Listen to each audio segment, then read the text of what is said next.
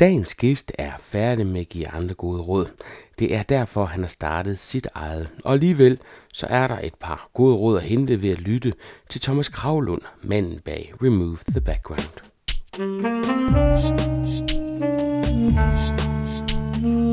Velkommen til Potterkort, en podcast om markedsføring på internettet. Din vært er Ip Potter.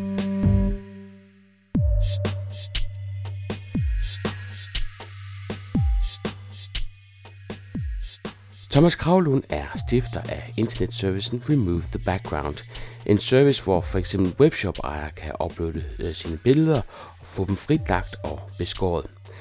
Det er den simple version, for virkeligheden er, at Thomas har gjort det muligt for andre at bruge systemet i andre projekter, og det åbner så for helt nye muligheder. Da Remove the Background var i beta-test nummer et eller andet i rækken, brugte Thomas en halv time på at lave annoncer til Google. Annoncer, som medførte, at amerikanske Amazon i dag er kunde ved Remove the Background. Selv i Hostebro ved man, at det ikke er så ringe endda. Thomas tror på fokus, partnerskab og at gøre tingene 100%. Han ved godt, at online markedsføring er vigtig, men er bare ikke nået dertil endnu. Fundamentet, projektet og funktionerne er det vigtigste. Det er tåbeligt at markedsføre noget, der ikke er i orden og optimeret. Mit navn det er Thomas Kravlund. Øh, jeg har et firma, der hedder Remove the Background, øh, som laver billedbehandling for øh, webshop-ejere. Grunden til, at jeg laver det, er, at jeg har, jeg har arbejdet sammen med rigtig mange øh, webshop-ejere igennem mine snart 12-13 år øh, i den her branche. Øh, jeg har tidligere haft et, øh, et webbureau i, i Holstebro, der hedder MCB, øh, sammen med nogle partnere. Jeg startede det for 13 år siden og har og startede egentlig med at lave en, en, en webshop-løsning allerede i 1999. Siden har jeg været med på omkring 100 øh, projekter. Øh, og det er sådan set min baggrund for, at, øh, at, at jeg kender rigtig meget til behovet hos webshop-ejere. Og, og laver det, jeg laver i dag. Øh, og historien er sådan set, at for et års tid siden, der solgte jeg, øh, solgte jeg min, min aktier i, i det firma og startede øh, Remove the Background op. Øh, Hvorfor? Jamen altså, jeg var kommet til et punkt, hvor jeg har lavet rigtig mange øh, øh store projekter og teamlønsarbejde, og, og jeg var egentlig, for at sige det lige ud, lidt træt af de, øh, de kunder, jeg arbejdede sammen med. Øh, jeg synes, at det var, rigtig irriterende at komme med det ene guldkorn efter det og, så, og så gjorde det egentlig bare selv, hvad de har lyst til bagefter. Øh, men jeg har haft rigtig mange gode kunder i, i min MCB-tid, men, øh, men jeg, jeg tror egentlig, jeg var sådan klar til at, at prøve nogle nye udfordringer. Øh, så øh, så jeg, jeg stoppede egentlig med, uden at have noget øh, andet at lave. Altså det var ikke sådan, at jeg, at jeg stod med et eller andet på hånden. Øh, men jeg stoppede egentlig, jeg havde fået lidt penge ud af det også, så jeg var ikke, det var ikke sådan, at jeg var øh, tvunget til at lige gå ud og finde et andet arbejde. Så jeg havde egentlig bare brug for noget tid til at gå og tænke lidt over, hvad jeg skulle kaste mig i, ud i. Ja. Så du har slet ikke en idé om, hvad det var, du ville øh, gå i gang med? Eller? Det havde jeg ikke på det tidspunkt. Øh, jeg vil faktisk sige, at vi, vi havde i MCB, der havde vi så småt øh, startet op ude i Vietnam, og vi havde en 3-4 medarbejdere derude, der lavede lidt fritlægninger til nogle kunder og sådan noget. Men, men bortset fra det, så havde jeg faktisk ikke nogen, øh, altså det var ikke, jeg havde arbejdet derude, men jeg havde ikke, øh, jeg havde ikke nogen idé om, hvad jeg, hvad jeg ville kaste mig ud i. Det var egentlig slet ikke en tanke, at jeg skulle overtage det, men det, jeg lavede faktisk øh, en liste med, med 11, 11 punkter på, som, øh, som øh, egentlig var sådan lidt nogle guidelines for, hvad jeg, hvad jeg så skulle kaste mig ud i. Øh, og dem kan jeg lige prøve at gennemgå her, hvis du, ja, hvis du vil have en forståelse for... Øh, øh, den første, det er sådan set, at jeg gerne vil outsource øh, alt. Øh, og det betyder egentlig, at, øh, at jeg vil egentlig undgå at have nogle medarbejdere. Altså, jeg vil, jeg vil gerne arbejde for mig selv, og jeg vil gerne, øh, øh jeg vil gerne undgå at stå til regnskab over for medarbejdere her, og jeg skulle møde på et kontor. Og det, var, det er så det næste punkt, det er, at jeg vil ikke have, nogen, jeg vil ikke have noget kontor. Jeg vil egentlig have mulighed for at tage min mobiltelefon med min bærbare og sidde øh, øh, hvilken som helst sted i, i verden og arbejde. Og, og jeg har ikke lyst til, at, jeg har, at, at det ligesom skulle, skulle være et, et fast sted. Øhm. Og så har jeg et punkt, der, der, der hedder, at jeg aldrig vil lave kontrakter. Øh, måske en side aftale, hvis nødvendigt. har jeg så skrevet i parentes. Øh, men øh, det kom så simpelthen af, at, at i mit tidligere arbejde, der lavede jeg øh, 40, 50, 100 siders kravspecifikationer og kontrakter med kunder, så det var jeg rigtig træt af at sidde og lave det arbejde. Og så har jeg det egentlig også sådan med de der kontrakter, jeg synes egentlig, hvis folk ville ud af dem, eller hvis der var noget i vejen og sådan noget, så, så så var det egentlig aldrig det, man gik tilbage til under alle omstændigheder. Så jeg har det egentlig bedre med at sådan se folk i øjnene og lave en aftale, og, og måske lige skrue ned, hvad det er, man har aftalt, og så tage den derfra. Um, og så har jeg et punkt, der hedder, øh, det er så på engelsk, det her, don't listen to customers. Uh, og så har jeg skrevet i parentes, try not to have contact at all. Og, øh, og ja, det har jeg simpelthen skrevet, fordi jeg var, jeg var på det tidspunkt, der var jeg rigtig træt af den der tætte kontakt med kunderne, og det ligesom var kunderne, der bestemte, hvad, hvad jeg skulle bruge min tid på. Og, øhm, Ja, og så var jeg egentlig også øh, jeg var egentlig kommet til et punkt, hvor jeg egentlig bare har lyst til at tilbyde en eller anden ydelse, og så var det sådan lidt take it og leave it, i stedet for, at jeg ligesom skulle tilrette min dag efter, hvad, hvad, hvad kunderne de efterspørger. Og typisk, når du, når du laver de her større projekter, som vi gjorde, så er du også, når du først har lukket et projekt, så er du jo fuldstændig inde i det i flere måneder, og egentlig har ansvaret for, at alting det bliver kørt i mål, og, og den forventningsafstemning, du har lavet med kunden, jamen det er egentlig, det er egentlig dig, der står med ansvaret for at køre den forventningsafstemning igennem og, og levere et produkt, som de er tilfredse med. Og jeg er også den type, der, der gerne vil gøre tingene godt og sådan noget, så øh, jeg, jeg tror egentlig, det var det, der stressede mig rigtig meget, at, at, at, at det var den der tætte kundekontakt. Men, øh, så det er meget drømmen om at blive her i egen ja, hus? og jeg, og jeg vil sige, at det her punkt, det, det, det, det betyder jo ikke, at man ikke skal lære sine kunder at kende, fordi jeg tror faktisk, det er allervigtigste, når man driver forretning, det er, at man lige nøjagtigt kender ens øh, kunders behov, og man ved, hvad, det, hvad de ligger øh, vågne om natten og tænker på, og ja, altså har bekymringer og sådan noget. Altså, det er noget af det vigtigste, når du skal drive forretning, så det, det er sådan set ikke et spørgsmål om, jeg ikke, at jeg vil ignorere mine kunder, men det er egentlig, at, at det er ikke kunderne, der skal diktere min dagligdag. Øhm. Og så har jeg et punkt, der hedder Trust Everyone, øh, og det er, det er simpelthen, jeg elsker, at, jeg elsker at være i Danmark, hvor man som udgangspunkt øh, stoler på de folk, man har med at gøre. Og der har jeg det sådan, at, at det vil jeg som udgangspunkt. Det skal være et princip, jeg går efter, at jeg stoler på folk. Øh, og så hvis, hvis de vil ender, ender med at skuffe mig og sådan noget, så vil jeg selvfølgelig fortælle dem, og så gider jeg ikke have mere med dem at gøre. Altså, så gider jeg ikke spille tid på den. Og det er egentlig, ja, det er bare sådan lidt filosofisk øh, tilgang til tingene. Øh. Og så har jeg en, der hedder, øh, at kunderne de skal servicere øh, sig selv. Øh, og øh, jeg har en, der hedder, at alle processer skal køre automatisk, øh, og det er fordi, jeg havde drift selv, så hvis det ikke kan køre automatisk, så, så er det ikke noget, jeg gider at være involveret i. Og så har jeg en, der hedder øh, long term business only, altså langsigtet forretning. Altså jeg er ikke, jeg er ikke, øh, jeg er ikke den type, der går efter en hurtig profit. Altså jeg går efter langsigtede øh, kundeforhold, jeg går efter langsigtede leverandørforhold, jeg går efter det langsigtede øh, forretning generelt.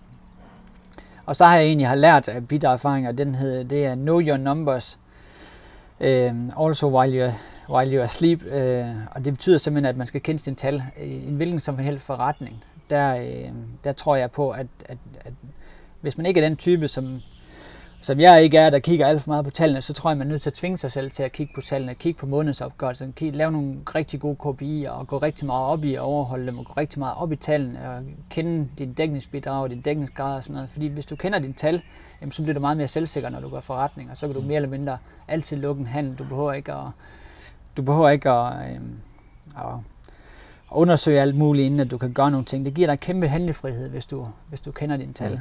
Mm. Øhm, og så har jeg et punkt igen, jeg har lært af bit den hedder fokus. Øh, når man laver noget nyt, eller skal starte noget op og sådan noget, så tror jeg på, at det, at du kan få lov at fokusere 100% på det, og du også øh, øh, tvinger dig selv til at lade være med at involvere dig i alle mulige projekter samtidig, det tror jeg, der, der er rigtig vigtigt.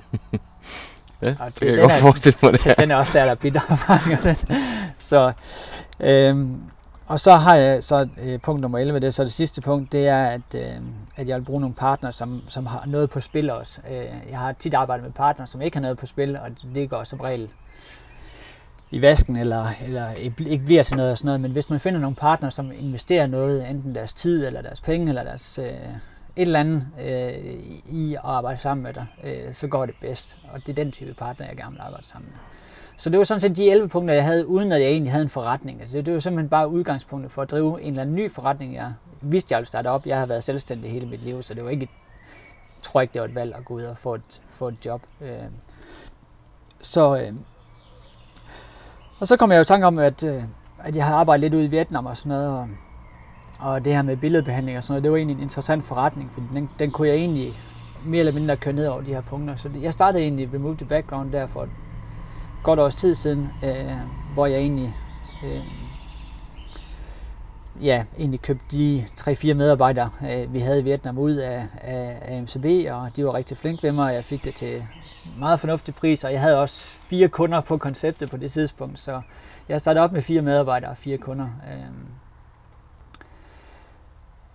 Ja, nu har jeg faktisk glemt, hvad spørgsmålet det var. Men altså, det er jo, altså, det er jo hele baggrunden for, at jeg, jeg har den, startet den forretning op. Det er jo dels min baggrund i, i inden for internethandel øh, og, og min baggrund med at håndtere kunder og, og medarbejdere og sådan nogle ting. Øh, kombineret med, at vi fik den åbning ude i Vietnam der. Og, ja, hvad er, skal du prøve at forklare, hvad remove the background er? Altså, det er, øh, man, man frit skraber billeder. Ja, altså øh, selve servicen, den er egentlig, altså det, det er jo en kendt, øh, kendt service. Enten så, så ja, der er sådan set tre muligheder, hvis man, hvis man sælger produkter på internettet. Enten så, så lader man være med at behandle billederne, og egentlig mere eller mindre tager, man, tager dem, som man får dem ved hos leverandøren, eller bare tager billederne selv og uploader dem. Øh, eller også vælger man at lave en eller anden form for billedbehandling, og hvis man vælger at lave nogle billedbehandling, så, øh, så kan man så enten øh, gøre det i huset, gøre det selv via Photoshop eller et andet billedbehandlingsprogram, for eksempel fjerne baggrunden. Øhm, det kan også være at lægge skygge på, eller, eller rette op på farverne, eller helt basale billedbehandlingsting. Øhm, og den sidste mulighed, det er så at outsource det. Øhm, og der har vi jo vi har masser af konkurrenter, der laver billedbehandling på den ene eller anden ja, måde. det det første, jeg tænkte på, dengang du snakkede om, det var, altså, hvor, hvorfor gå ind og lave noget, som findes der i forvejen, og man ved bliver lavet ude i Østen til en billig penge? Ja, altså, øh, forudsætningen er jo, at, at vi kunne være med rent prismæssigt. Nu har vi så vores egen medarbejdere ude i, i, i Hanoi i Vietnam, så altså, det, det med prisen, der er helt overbevist om, der kan vi være med. Og ma- mange af dem, der sælger det på dansk marked, de har en eller anden samarbejdspartner, så de har ikke engang deres egen afdeling, de har måske også en, der skal der, der skal have noget profit derude og sådan noget. Så jeg vidste, at priserne, dem kan vi i hvert fald være med på, og jeg, og jeg kan også være med på sådan, hvad man skal sige, verdensmarkedspriserne for det, den her type ydelser. Så for mig der er det egentlig handlet om at, at finde et fornuftigt prisniveau, og så bortset fra det, så, så, øh, så lave nogle ydelser, nogle services, som var specielt øh, tilrettet til øh, e-handels kunder, altså mm. folk, der sælger på internettet. Og der kan man sige, det, det er i virkeligheden der, hvor vi adskiller os på markedet, det er, at vi går udelukkende efter et bestemt segment. Øh, hvis du ser om nogle af de udenlandske øh, konkurrenter, vi har, så laver de jo alt lige fra website design til flashbanner til billedbehandling til Ja, jeg tror faktisk, du kan sende en e-mail øh, omkring et hvilket som helst projekt, og så vil de sige ja til det. Øh, og der har vi så valgt at sige, at det er, det er øh, udelukkende billedbehandling, vi går efter. Øh, det andet i det, det er, at mange af de konkurrenter, vi har, de er sådan set, de, de satser på prepress øh, kunder, altså aviser, ugeblade, øh, øh trygte kataloger og sådan nogle ting. Og det er egentlig der, de kommer fra. De har været på markedet nogle år, så de har været vant til at levere nogle mere hvad man skal sige, high-end løsninger, øh, hvor det vi går efter, det er, det er et volumenmarked, det er, det er e-handel udelukkende. Øh, Øhm, så de kommer egentlig også et andet sted fra. Så sådan udelukkende konkurrenter inden for det segment, øh, vi laver, der, der er fokuseret, dem har vi ikke særlig mange af. Og der er hverken, der er selvfølgelig nogen i Danmark, og der er også nogen i, i udlandet, men der er ikke nogen, der står stærkt. Der er ikke nogen, der ejer det marked. Og, og jeg har regnet mig frem til, at det må være et rimelig stort marked. Øhm, og jeg kan se, at, at, at, at at vores største konkurrent, det er simpelthen, at du gør det øh, in-house. Det vil sige, at vi er simpelthen ude og leverer en ydelse, der hedder at spare tid øh, for dem, der sidder med det. Øh, vi kan frigøre en masse tid i, i organisationen, og det, det er meget givende for dem, vi øh, sælger til. Så vi er egentlig ikke ude og konkurrere, altså vi er ude og, og tilbyde en ydelse, hvor vi, hvor vi i princippet servicerer kunden med nogle helt basale øh, øh, billedbehandlingsting, hvor de sparer en masse tid. Og det kan jo så gøre, at de kan bruge det tid på noget andet. Så Ja, det er sådan set sådan, jeg ser markedet. Ja. Så, så for den lille kunde, så er det noget med, at man kan uploade et billede, og så sender man det jeres vej ja. og definerer, hvad der skal ske med billedet. Og, og det har jo så været udfordringen. Nu når du, øh, du kender mine 11 punkter her, så udfordringen, det har jo sådan set været at tage en service, øh, hvor at øh, alle de, eller stort set alle de leverandører, jeg kunne finde, øh, øh, Øh, de, øh, de øh, har måske en formular, man kan udfylde på hjemmesiden, og så kunne man få et pris, og så kunne du sende en e-mail frem og tilbage, eller tre-fire e-mail frem og tilbage, og specificere, hvad det er, du gerne vil opnå. Og så får du en, et link til en FTP-server, og så skal du til at sætte ind i, hvordan du bruger en FTP-klient, og så er det frem og tilbage, og så når du får billederne tilbage, så er det sikkert også et eller andet i vejen med, og så skal du kommunikere med dem igen.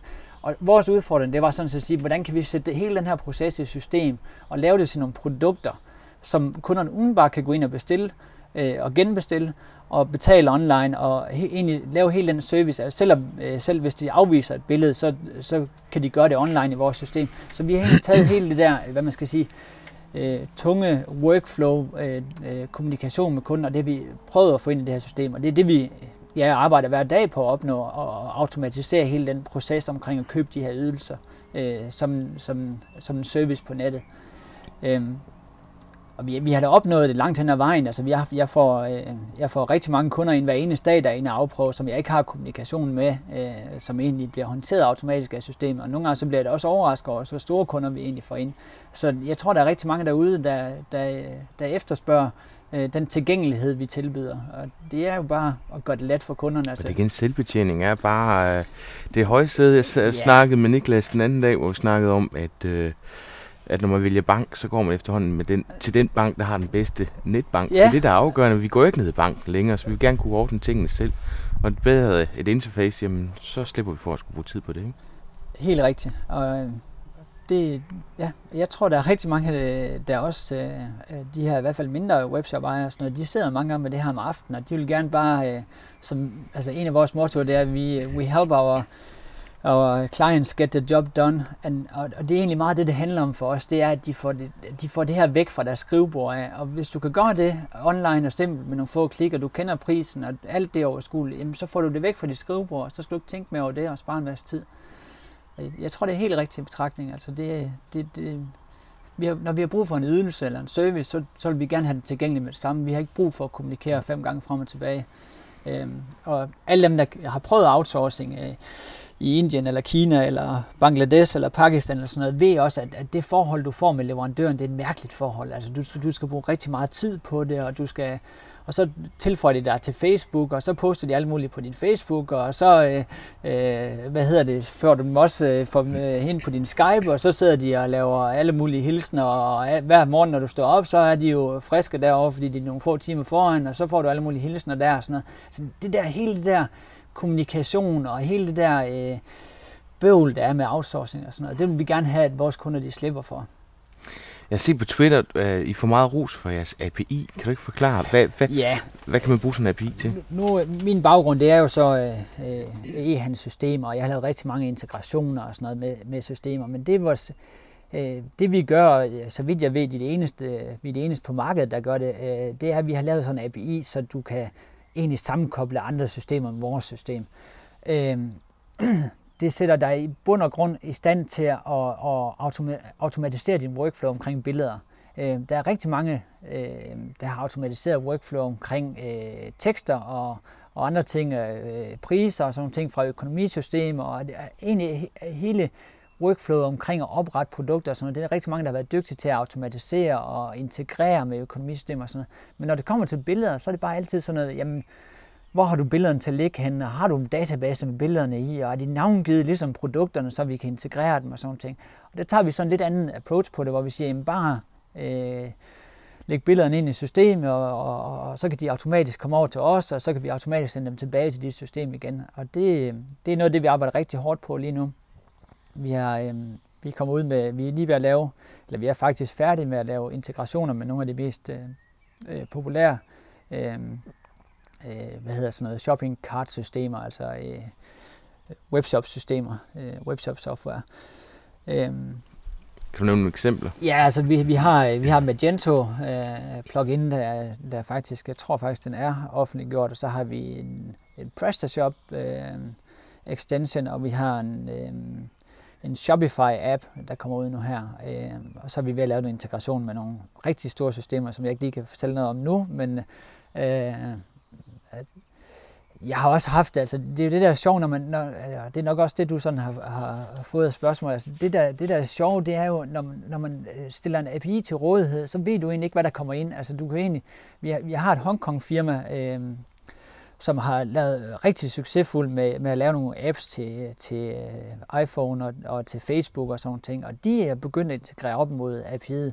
Og jeg kan se, at der kommer alle mulige mærkelige billeder fra dem, og jeg ved simpelthen ikke, hvad de laver. Det er, det er meget hemmeligt, hvad det er, de har gang i at lave. Jeg ved det simpelthen ikke. Men, men det er bare sådan en forretning. Det har jeg, ikke, altså, det har jeg jo ikke regnet med, at jeg skulle samarbejde med. Men i kraft af, at vi stiller det API til rådighed, så gør det, at vi får alle mulige mærkelige øh, opgaver ind, som, hvor vi bare passer godt ind i et eller andet workflow, om det så er en en iPhone-app, eller det er en Facebook-app, øh, eller det er et shopping cart-system, eller det er øh, ja, en, et eget udviklet... Øh, nu, nu er jeg jo ikke nørd, altså, en, men API, det, det, er, altså, det, det er simpelthen noget, man stiller til rådighed. Ja, det vil så altså, sige, det, at man kan koble næsten hvad som helst på. Ja, eller? altså det, API, det er jo sådan set egentlig bare... Øh, øh, et, et, et interface til vores øh, software, sådan at, at du kan sende billeder, og du kan modtage billeder automatisk, øh, uden at, uden at, hvad man skal sige, logge ind på vores hjemmeside og sådan noget. Og når jeg siger du, så er det jo andre systemer, der, der, der automatisk sender billeder til os. Eller... Betyder det, at andre vil kunne videreudvikle på, på jeres system? Ja, altså, det, det, det, det kan man sagtens forestille sig. Man kan også forestille sig, at der er andre, der vil tilbyde øh, den ydelse, vi i princippet tilbyder, hvor de bruger os som underleverandør, og så laver de selv et website, der kobler op mod API'et. Så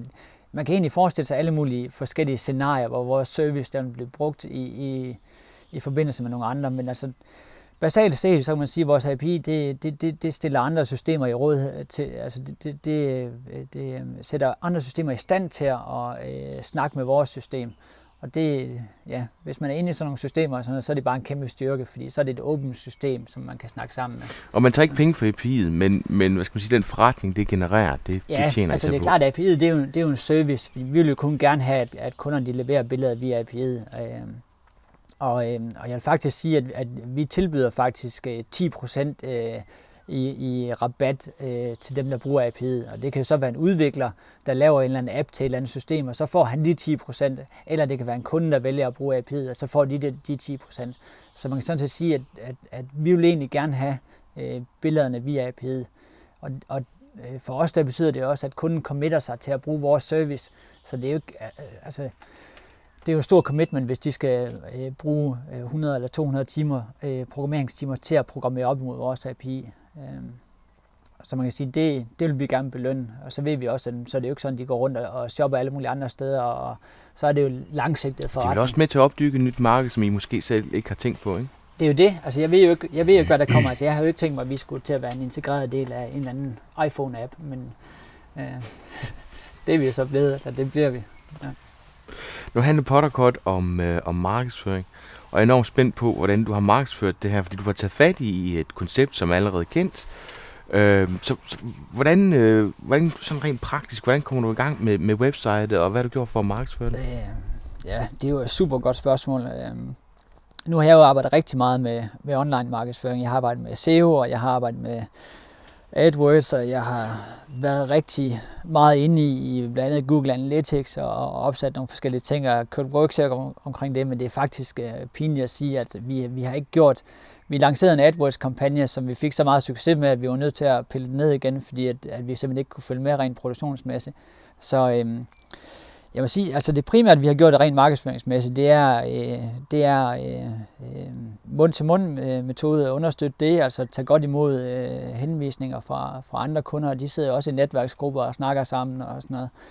Øhm, og så har vi de her partnere, øh, for eksempel er vi, har vi lidt et partnerskab med Amazon i USA, hvor at, øh, hvor de henviser deres sælgere, altså 30% eller 40% af de produkter, der bliver solgt på Amazon, det er nogle eksterne sælgere derinde, og der, der er Amazon, der er de simpelthen begyndt at henvise til vores service, øh, når der skal fritlægges billeder, fordi det er simpelthen et krav, Amazon har.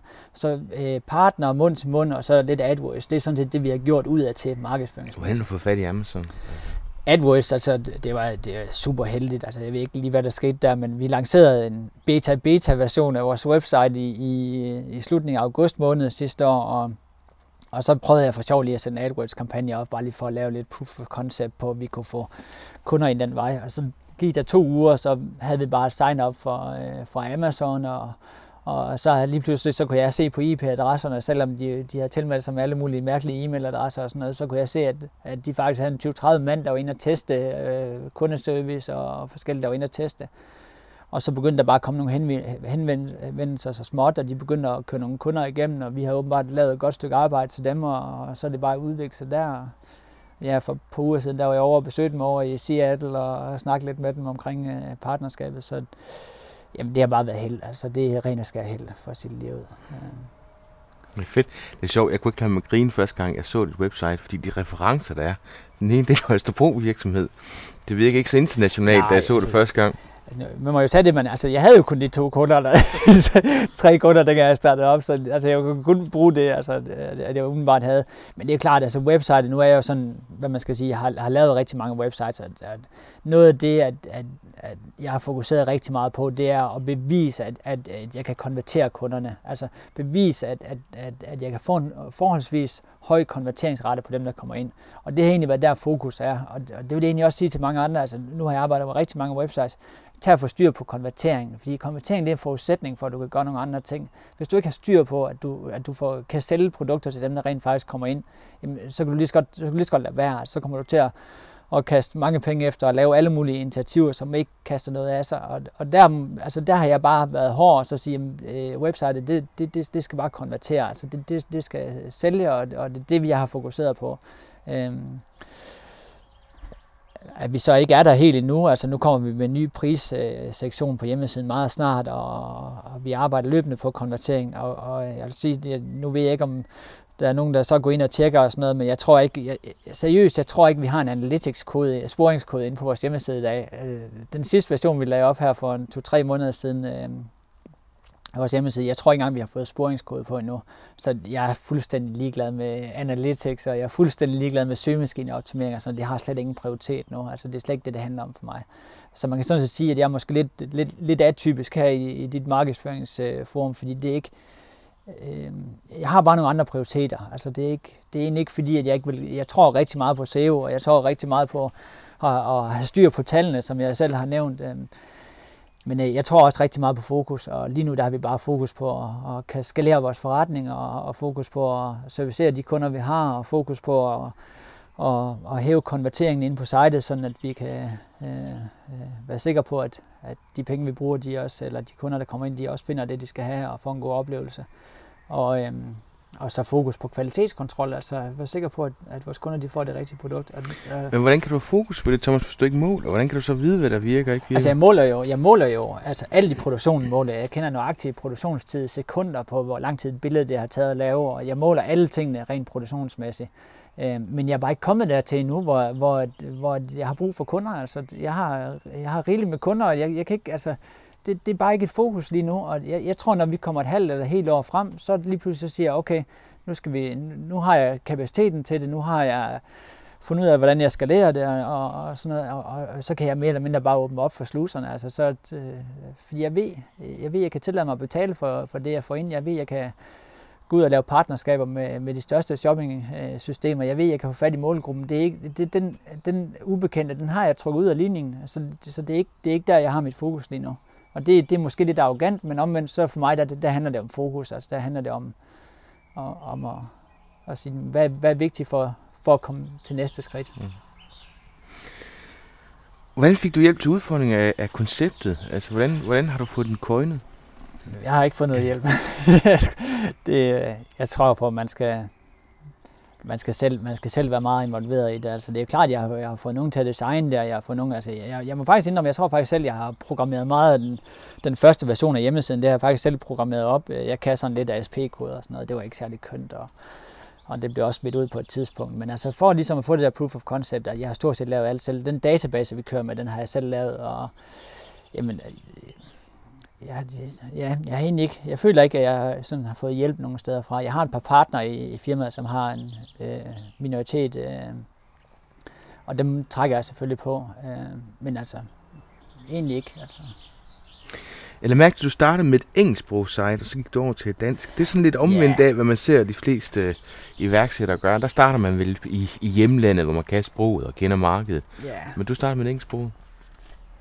Jo, altså for mig der handler det om, at, øh, at, øh, jeg kunne egentlig ikke se, at der var mere konkurrence på det amerikanske marked, end jeg kunne se, at der var på det danske marked. Jeg synes, det var nogenlunde det samme. Øh, og så tænkte jeg bare, jamen, hvorfor ikke gå efter et marked, der har øh, ja, der måske er 50 gange større, eller hvor meget det nu er. Øh, det andet i det, det var, at, øh, at for mig, der handler det om at, det handler om at bevise, at jeg kunne gøre, at jeg kunne ligesom at jeg kunne konvertere en kunde, fordi med det samme, jeg har bevist de her ting, så ved jeg, så, så er det egentlig bare et spørgsmål om at tage næste skridt. Øh, og så, øh, altså, jeg har jo en del medarbejdere ude i Vietnam og sådan noget, som er en, er en tæt del af firmaet også, og, og for dem der er det naturligt, at, at det var en engelsk side, vi skulle starte med, og ikke en, ikke en dansk side. De ville jo ikke forstå noget som helst, hvis vi startede med en dansk side. Øhm, og så, øh, ja, jeg tror egentlig ikke, det var, altså det, jeg, vil gerne, jeg vil gerne lave et internationalt koncept, jeg vil gerne have en international forretning, og det har jeg egentlig fokuseret på starten også, og og i dag, der findes den så I på... dag der får jeg faktisk det omvendte spørgsmål, for når, når jeg snakker med nogen omkring det her skalering og, og komme ud i nye lande og sådan noget, siger, hvorfor kører du ikke bare med et engelsk site? Altså de fleste, de forstår jo engelsk og sådan noget. Så, så det er egentlig, ja, øh, Øh, jeg vil egentlig sige, at det spørgsmål det burde egentlig være omvendt, fordi at, at øh, markedet det er bare så meget større, og jeg har, ikke, jeg har ikke nogen begrænsninger i. Altså, jeg skal jo ikke sælge nogle fysiske produkter, så det er kun naturligt at gå efter det størst mulige marked. Meet Bob. Bob has a bicycle shop and he adores his work. He loves nothing better than to talk about bicycles all day long. But Bob wants more. Even though his shop is doing well in the local community, he would like to expand to the rest of the country and the universe. That's why Bob created an online business. Du har verdens fedeste virksomhedsvideo. Altså den er, øh, og jeg gider ikke engang at fortælle om den til lytterne. De skal selv gå ind og, og se den. Øh, er det noget, du selv havde tænkt, eller hvordan, hvordan kom du på den idé? Øh, jamen altså, det, er jo klart, at jeg startede website op, der var jeg inde og kigge på en masse øh, rigtig fede amerikanske sites, som jeg synes, der gjorde det godt, og, og jeg bemærkede hurtigt, at de alle sammen havde en video, så jeg tænkte, der var nok noget med snakken, så, så jeg tænkte, hvad jeg fandt på, jeg lavede en, en, en fed video, som også er lidt amerikansk i det og sådan noget, og, øhm, og så var der en eller anden, der nævnte for mig, at, øh, at i Viborg, der ligger der en, en, en skole, øh, hvor de laver sådan nogle animationer, faktisk på et højt internationalt niveau. Øh, ja, øh, så jeg tog faktisk kontakt til dem og spurgte, øh, nu er jeg jo sådan lidt bootstrapped, eller nu passer jeg godt på pengene der i opstartsfasen, så jeg ringede faktisk og spurgte til dem, om, om, om det var muligt, og, og jeg havde det her spændende projekt, om det var muligt at få det kørt igennem som et skoleprojekt, og det, det afviste de lige med det samme. De havde så mange projekter, og det havde de slet ikke tid til at lave og sådan noget. Men der var nogen, der lige var startet op, øh, som har gået der og sådan noget. De, var, de ville gerne have nogle, øh, nogle erhvervsting. De, de, det, er jo, det er jo det med det her animation og sådan noget. De er jo mange gange kunstnere også, og de laver også nogle, hvad man skal sige, nogle kunstneriske projekter og sådan noget. Men de var også nødt til at få nogle erhvervsprojekter ind, som de ligesom kunne, kunne tjene til dagen og vejen på. Øhm, så øhm, jeg fik kontakt til et firma, der hedder Tumblehead i Viborg. Øh, et par unge gutter, der lige var startet op. Øh, tog op og besøgte dem. Øh, det er en halv times kørsel fra, hvor jeg bor, så det var ikke sådan øh, det helt store. Og, øh, og så øh, svingede jeg bare super godt med dem og kom med mine idéer, og det var bare to fantastiske fyre, så bare gangede det. Jeg kom med, med 20 og, og var rigtig skarp til også at sige, at det der, det kommer ikke til at virke, og det der, det var super godt, og, øh, og de spillede bare med på det, og det var bare en rigtig, rigtig god oplevelse at snakke med dem, og så kastede vi os ud i det og blev enige om en pris, og, og, og så lavede de videoen, og, og jeg tror stort set ikke, vi har lavet rettelser fra deres første øh, udkast. Jeg tror, vi, vi, vi kottede lige 10-20 sekunder ekstra af, øh, men bortset fra det, så er det faktisk stort set det, de lavede i første hug. Så øh, altså, jeg er bare super imponeret. Altså, det er kunstnere, og, og, og, og det, altså, det er bare professionelle folk, og de ved, hvad de laver, og, og det kan jeg godt lide. Altså, der har ikke været noget det ikke været sådan, jeg har sagt, at det skulle være professionelt, det skulle være virkelig meget amerikansk og sådan noget, og det var sådan set de kriterier, vi havde i det. Så det er godt, godt stykke arbejde. Og det har jeg hørt fra rigtig mange af. Og nu har vi det så, øh, det er så det andet i det. De har også hjulpet mig med at få det oversat, så nu kører videoen både på dansk og på, på hollandsk, øh, hollandsk og tysk, og ja, vi har lige lanceret nye sites der, og svensk og norsk, og ja, vi, ja, mange forskellige versioner. Og det er jo super godt med sådan en animation, for det kan du bare oversætte, og så, så har du en ny. Ja. Hvad, hvad koster sådan en video? Har du, øh, men du kan da godt, at du fik en speciel Altså, jeg ved, ikke, jeg ved ikke, om jeg fik en special pris eller et eller andet, men altså, det, det, det er jo klart, de var i lige en opstartsfase på det tidspunkt, og, og jeg har da set, at de har fået rigtig mange, eller jeg bemærkede, at de har fået rigtig mange kunder ind efterfølgende. Øhm, øh, så, øhm, det ved jeg ikke. Altså, jeg tror, jeg tror, der er mange, der laver sådan noget. Jeg tror, prisen på sådan en to minutters video, den ligger omkring 100.000, men altså, det kan være plus minus mange ting. Øh, jeg fravalgte jo at have musik på min video, og så Peter, der, der har Tumblehead, han klippede lidt på sin guitar i stedet for, og det var jeg godt tilfreds med. Men det er klart, så kan du måske lige bruge 10.000 ekstra på, eller 20.000 ekstra på at få lavet musik, der passer ind og sådan noget. Så det er meget med de valg, du foretager også, animationsmæssigt, hvilke teknikker, der bliver brugt og sådan noget. Jeg tror, du kan foretage rigtig mange valg. Altså, mm. Der er jo ingen, der siger, at du kan sagtens bruge nogle simple virkemidler. Øh, der er jo ingen, der siger, at det skal være. Det er helt klart historien i, i, i den animation, ja. som er helt fantastisk. Ikke? Og det er det, de kan finde ud af deroppe. Øh, altså, det lærer de jo, det der. De laver storyboards, og øh, altså, den der historiefortælling der, de er jo kunstnere på det område, at de vil gerne lave tegnefilm og sådan noget. Nu får de så lov at lave en, en halvanden eller to minutters tegnefilm, og det, det er de bare gode til. Altså, der, er ikke, der er ikke andet at sige, det er de bare styr på. Mm. Ja. Men at hoppe, hoppe ind på sitet og se, de har rigtig mange eksempler derinde. Øh, og jeg skal sige, at din er helt klart en af de bedste, men de har lavet rigtig meget andet godt også. Das ist Jan. Jan hat ein Fahrradgeschäft und er liebt seine Arbeit. Am liebsten redet er über Fahrräder den ganzen Tag lang. Aber Jan möchte weiterkommen.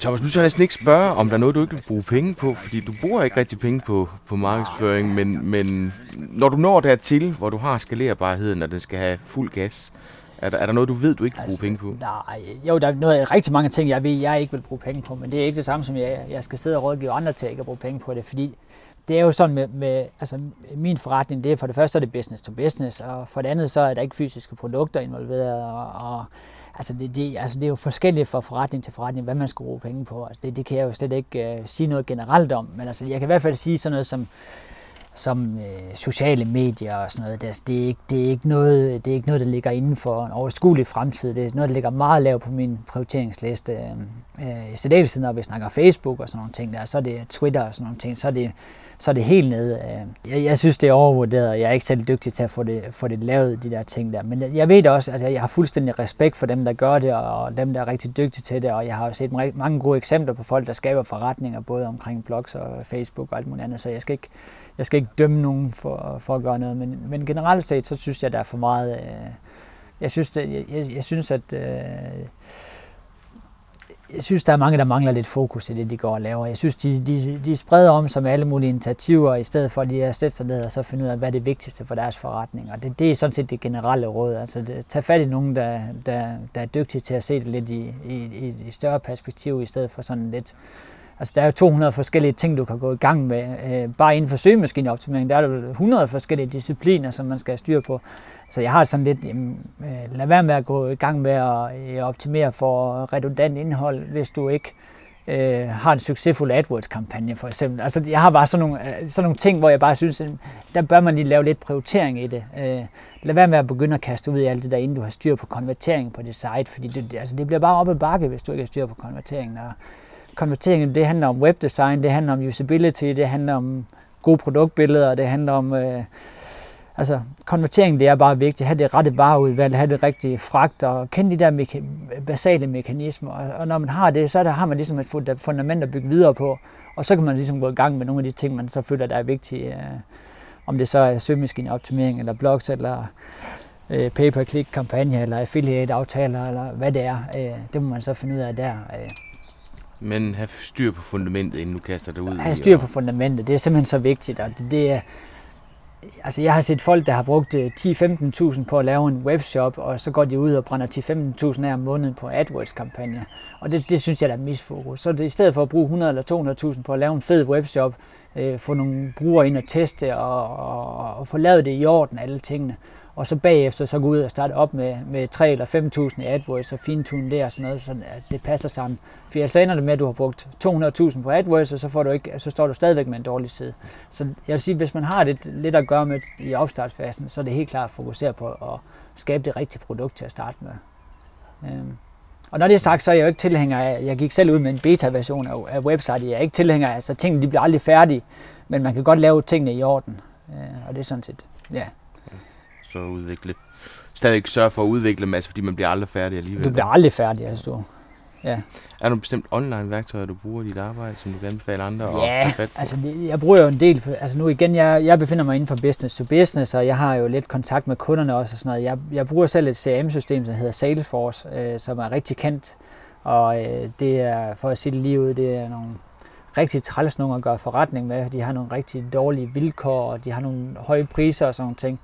Men for mig der er det bare vist sig at være et super system. Altså jeg har fuldstændig integreret det sammen med mit produktionssystem, sådan at alle data de kommer ind i Salesforce, sådan at mine partner i de enkelte lande de kan følge med i salget og, og sådan noget. Det, har, det har været et super system for os i, i forbindelse med skalering. Men det er meget dyrt, ikke også?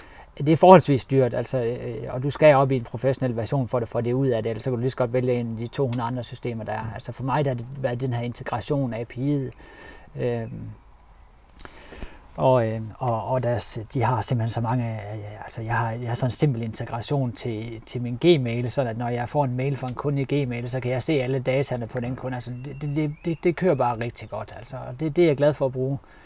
Øhm, og så har jeg et program, der hedder Infusionsoft, som, øhm, som jeg bruger til marketing automation, altså til at sende automails ud og lave øh, follow-up sequence og, og sådan noget. Øhm, jeg, jeg bruger det til at sende alle mine mails ud i dag. Øh, jeg bruger det nok, desværre ikke nok endnu. Øh, der er alle mulige redskaber derinde til, at man kan, man kan automatisere hele den der oplæring, kundeoplæringsproces. Altså det, det handler om for mig, det er jo at få oplært kunden i, hvorfor det er vigtigt at, at bruge mit produkt, og også hvordan du bruger produkter og sådan noget. Og det kan godt være en proces over tid, og der er det rigtig godt, at man kan sætte det op i nogle, nogle, nogle sekvenser, hvor du sender nogle mails til dem i nogle sekvenser, og når de klikker på den mail, så får de så nogle andre mails og sådan noget. Og det, det er jeg i gang med at sætte op nu her.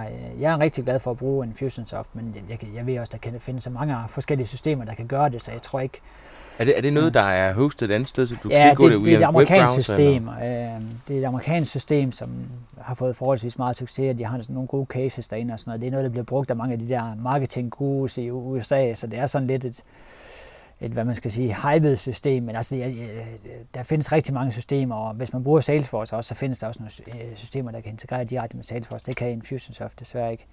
Øh, jeg ved, der findes noget, der hedder Bronto, som er meget på, på vej frem. Der er også mange, der bruger. Men altså hele den her øh, idé omkring at automatisere din, øh, din kommunikation med kunderne og sådan noget, den, det tror jeg, der er noget, der kommer rigtig meget frem, og det tror jeg, der er rigtig mange, der skal, danske webshops og danske øh, servicevirksomheder, der servicerer over nettet. Jeg tror, det er noget, de kan få rigtig meget ud af at kigge på den her automatiseringsproces. Øh, for det er bare tidsbesparende, og, og det er pisse smart for os hele. Thomas, hvordan lyder dine tre bedste råd til andre, der vil gå i gang med deres helt eget projekt? Nu har du, nu har du været igennem et par gange, sådan set, ikke også? Men hvis du skulle Ja. give tre gode råd, hvad, Altså- hvad skulle det så være? Altså, nu er jeg jo ikke typen, der går og giver gode råd. Det har, det har jeg lagt bag mig, det der. Så jeg ville egentlig ønske, at folk de driver deres forretning øh, på deres sunde fornuft og, og, og, øhm, og langsigtet og sådan nogle ting. Men altså, jeg har alligevel øh, tænkt lidt over, over hvad, jeg, hvad jeg i hvert fald selv gerne ville have haft som råd, dengang jeg skulle starte op. Og det må det som ligesom være forudsætning for, at, for at jeg kan give nogle råd, det er, hvad jeg selv vil modtage. Og, og, og jeg vil sige, at, at øh, et af rådene, det er at lave en prototype på det, du... Hvis du sætter gang i et nyt koncept eller et nyt projekt eller sådan noget, så start med at lave en prototype og få nogle brugere på det. Øh, Jeg er meget inde i sådan noget... øh, Eller jeg er blevet stor tilhænger af sådan noget... Øh, jeg tror, det hedder Agile Development, hvor man laver nogle øh, små prototyper og får dem testet og sådan noget. Og det har bare bevis, øh, Eller det har vist sig at være en super god måde at udvikle på i vores organisation. At vi simpelthen laver... Et eksempel nu her, det er, at jeg har jeg, jeg skulle finde en måde at skalere vores forretning på, og så har jeg egentlig lavet sådan et helt system til, at jeg kan outsource tingene. Og der startede jeg egentlig med at lave to års projekt, hvor jeg fik en af mine programmører til at lave et, et, et lille prototype af systemet, og jeg lige fik en 3-4 af de der freelancer, jeg arbejdede med til at teste systemet.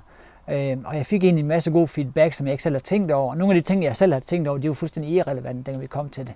Så det der med at lave prototyper, det, det tror jeg rigtig meget på, især hvis, hvis vi snakker udvikling, altså hvis vi snakker om noget, hvor der programmører indover og, og sådan noget.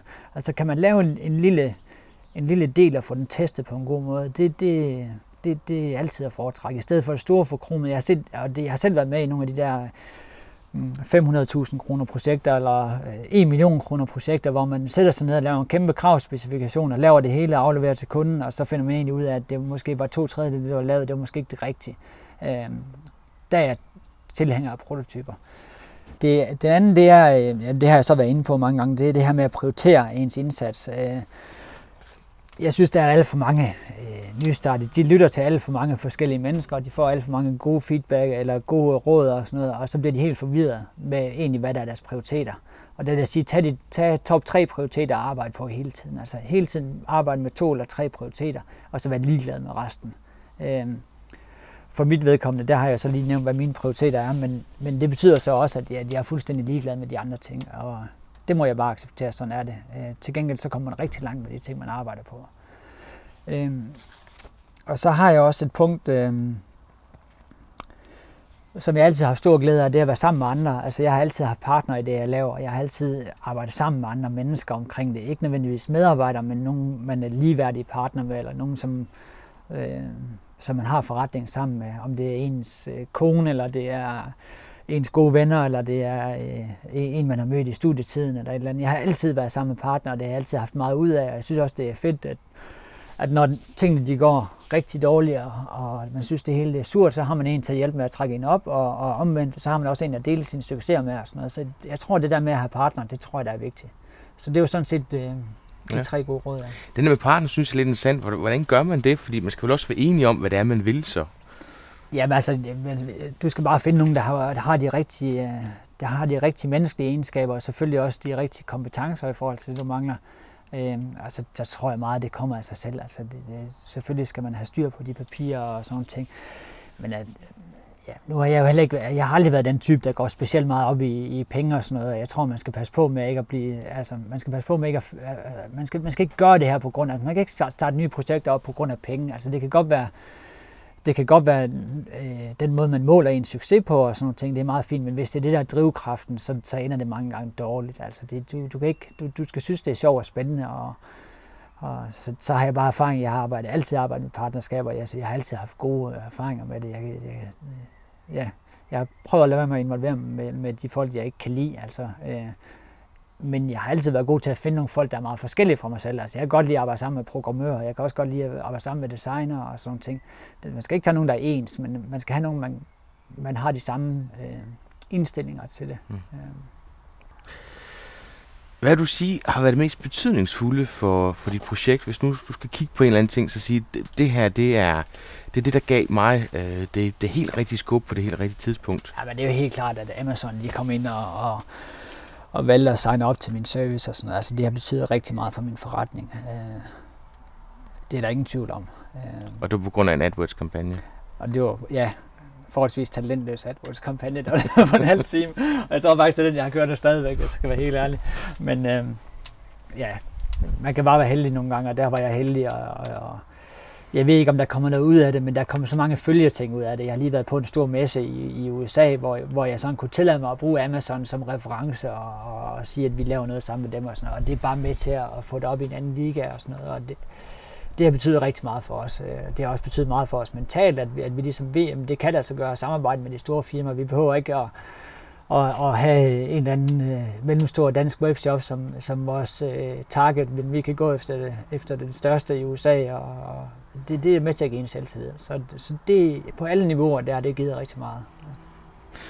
Jeg ved, at du, øh, mens du var i USA, der var du også over Silicon Valley, og, og det der med startups, vi snakkede lidt om, amerikanernes indstilling til de her ting. Kan du ikke prøve at, at fortælle, hvad det var, du oplevede? Ja, øh, ja jeg var over øh, øh, Udenrigsministeriet, de har sådan, jeg ved ikke om det hedder en handelsrepræsentation, eller hvad det gør, øh, de har noget, de kalder øh, Innovation, Innovation Center Danmark i Silicon Valley, og og de kører så et program, der hedder Scale It, øh, hvor de tager nogle iværksættere over og sådan noget. Super godt program. Øh, jeg kunne desværre ikke deltage i den uge, hvor det var, men så snakkede jeg med, med en person derovre fra en rigtig sød pige, der hedder Lene, der står for det, og, og hun sagde, kom over, og så arrangerer vi et lille program til dig i tre dage, hvor, vi, hvor du kan tage rundt og, og kigge på nogle forskellige ting, og have nogle møder med nogle forskellige, og opleve det herovre.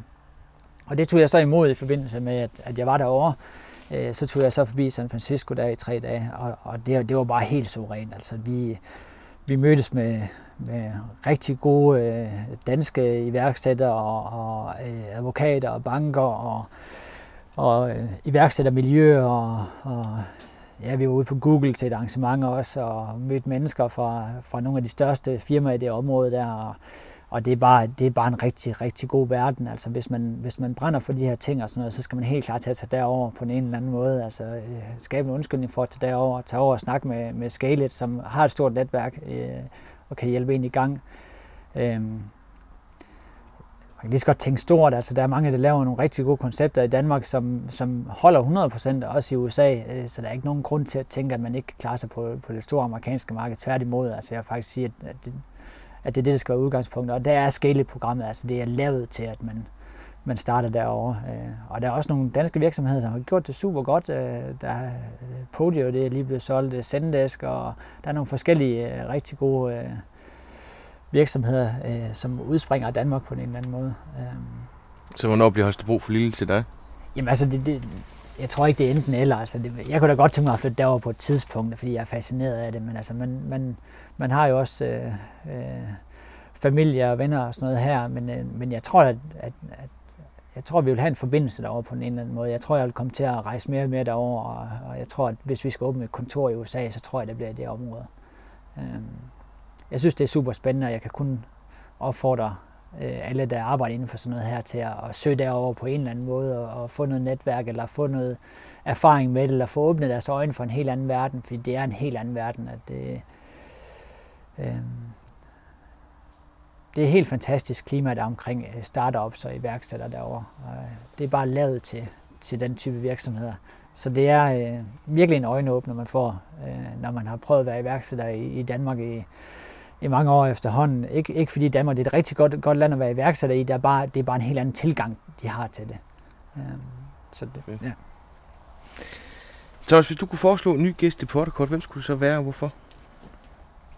Jamen altså nu har vi lige snakket om, om, om, om om Silicon Valley og, og sådan nogle ting, og, og jeg, jeg, synes, at, øh, jeg, jeg synes, at du skal fokusere på, øh, på, på noget internationalt. Øh, jeg kunne godt tænke mig, hvis du kunne få fat i for eksempel Lene over for Scale-programmet. Øh, hende synes jeg, der er fantastisk pige, der gør rigtig meget for, for danske virksomheder og, og helt igennem øh, øh, nede på jorden. Øh, øh, hvis du kunne få fat i Lene og, og, og tage en snak med hende, så ville jeg helt klart øh, helt klart anbefale, at uh, jeg tror, der er rigtig mange, der vil være, det vil, det vil være relevant for. Og det er klart, at der er også mange, der ikke vil være relevant for, men, uh, men det er en af de personer, som jeg synes, der gør rigtig meget for danske virksomheder uh, derovre. Og det er ikke, det er ikke stift på nogen måde, altså det er, det er helt nede på jorden, og det er på det niveau, iværksætter har, hun, hun, hun, hun bevæger sig, så det er ikke, der er ikke noget flyvende eller højt flyvende over det. Så det er derfor.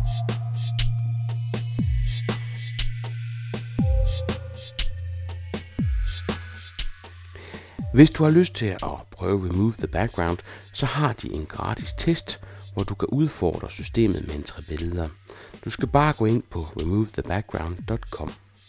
Husk, hvis du bliver sikker på ikke at misse en podcast, så kan du bruge iTunes til at abonnere på podcasten. Og til dig, der har iPhone, Apple er lige kommet med en ny app, der hedder Podcasts. Den virker lidt tung lige nu, men hold øje med den, for den gør det meget nemmere at abonnere på podcast direkte fra iPhone.